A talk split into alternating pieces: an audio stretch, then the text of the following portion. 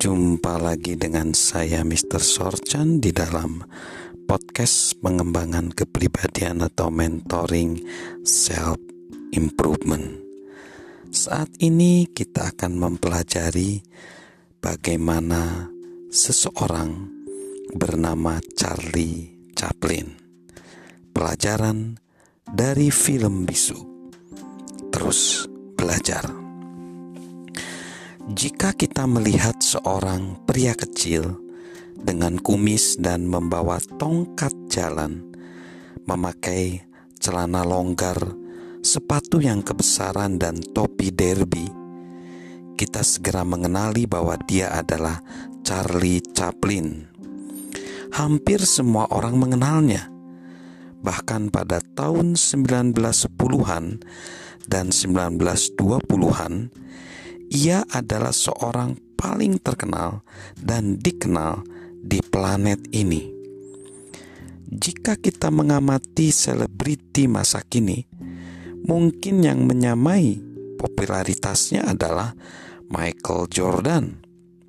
Dan untuk membuktikan siapakah bintang yang paling hebat di antara mereka berdua, kita perlu menunggu 75 tahun lagi untuk mengetahui seberapa banyakkah yang masih mengingat Michael.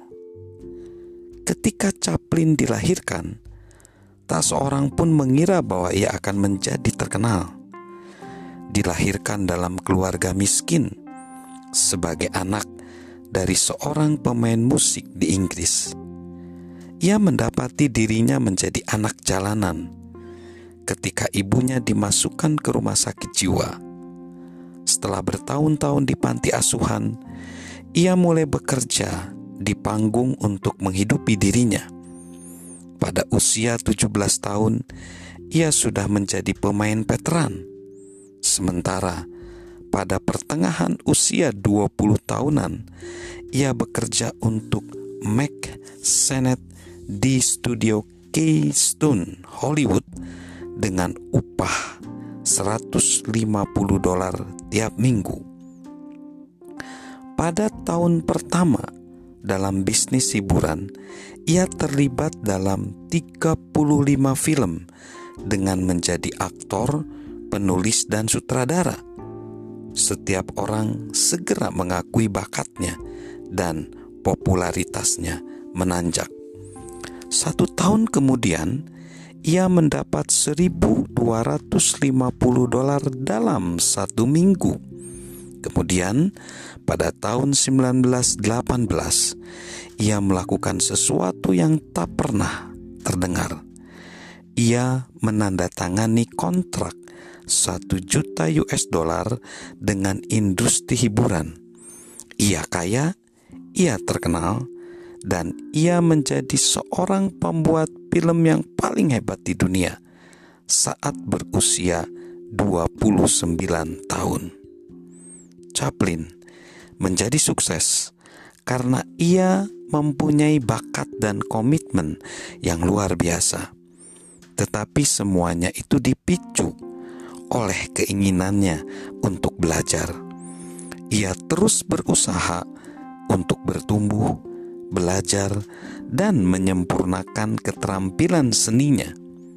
Bahkan ketika ia menjadi aktor yang paling populer dengan bayaran paling mahal di dunia, ia tidak puas dengan apa yang telah dicapainya. Chaplin menjelaskan keinginannya untuk mengembangkan dirinya sebagai seorang pewawancara ketika saya menonton salah satu film saya yang diputar untuk umum.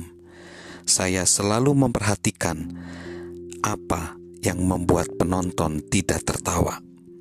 Jika misalnya beberapa penonton tidak tertawa dengan gerakan yang saya buat yang saya rasa lucu, saya segera membuat trik itu dan mencoba untuk mencari tahu apa yang salah dalam ide atau mungkin kesalahan saya saat memerankannya. Jika saya mendengar tawa kecil saat adegan yang menurut saya tidak lucu, saya menanyakan pada diri sendiri mengapa adegan itu menimbulkan tawa. Keinginan untuk bertumbuh membuatnya sukses secara ekonomi, dan itu membawanya lebih unggul untuk semua yang dilakukannya. Pada saat-saat permulaan, karya Chaplin dipuji sebagai hiburan luar biasa. Sementara waktu berlalu, ia diakui sebagai seorang pelawak yang jenius. Saat ini, banyak dari filmnya dianggap sebagai mahakarya ia dihargai sebagai seorang pembuat film terbesar sepanjang masa. Seorang penulis naskah dan kritikus film, James Agee menulis, pantomim yang paling indah, perasaan yang paling menyentuh, puisi yang paling kaya dan bermakna ada dalam karya Chaplin. Jika Chaplin menggantikan sikapnya yang mudah diajar dengan kesombongan dan berpuas diri saat ia menjadi sukses. Namanya akan sejajar dengan Ford Sterling dan Ben Turbin, bintang-bintang film bisu yang terlupakan saat ini. Namun Chaplin tetap bertumbuh dan belajar sebagai aktor, sutradara, dan kemudian produser film. Saat ia belajar dari pengalaman bahwa nasib pembuat film ada di tangan studio dan distributor, ia memulai organisasinya sendiri, United Artists, bersama Douglas Fairbank, Mary Pickford, dan D.W. Griffith. Perusahaan film itu masih berjalan sampai sekarang. So, mari kita belajar dari Charlie Chaplin yang mau terus mengembangkan kepribadiannya sampai akhir hayatnya. Salam sukses luar biasa dari saya, Mr. Sorchan.